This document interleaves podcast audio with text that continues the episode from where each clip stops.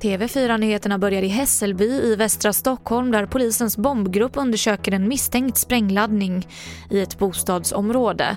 Larmet kom in sent igår kväll i två flerfamiljshus och flera villor har evakuerats. En förundersökning om olaga hot är inledd. Coronapandemin gör att oron för blodbrist inför jul och nyårshelgerna är större än någonsin. Orsaken är att blodgivarna uteblivit sedan de hårdare restriktionerna infördes. Ansvariga för blodcentralen i Stockholm säger dock till TT att man vidtagit åtgärder för att minimera smittspridning och att blodgivare inte behöver känna någon oro för att bli smittade. Sverige räknar med att starta vaccineringen mot covid-19 om drygt en månad. Detta enligt regeringens vaccinsamordnare rapporterar SVT om. Och detta eftersom ett godkännande för Modernas, Pfizers och AstraZenecas vaccin väntas vid årsskiftet.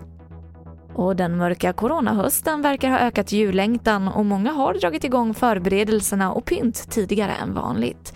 Detta enligt flera butikskedjor som DN pratat med. Och även försäljningen av flera typiska julvaror har ökat jämfört med samma period tidigare år. Och det var det senaste från TV4 Nyheterna. Jag heter Emily Olsson.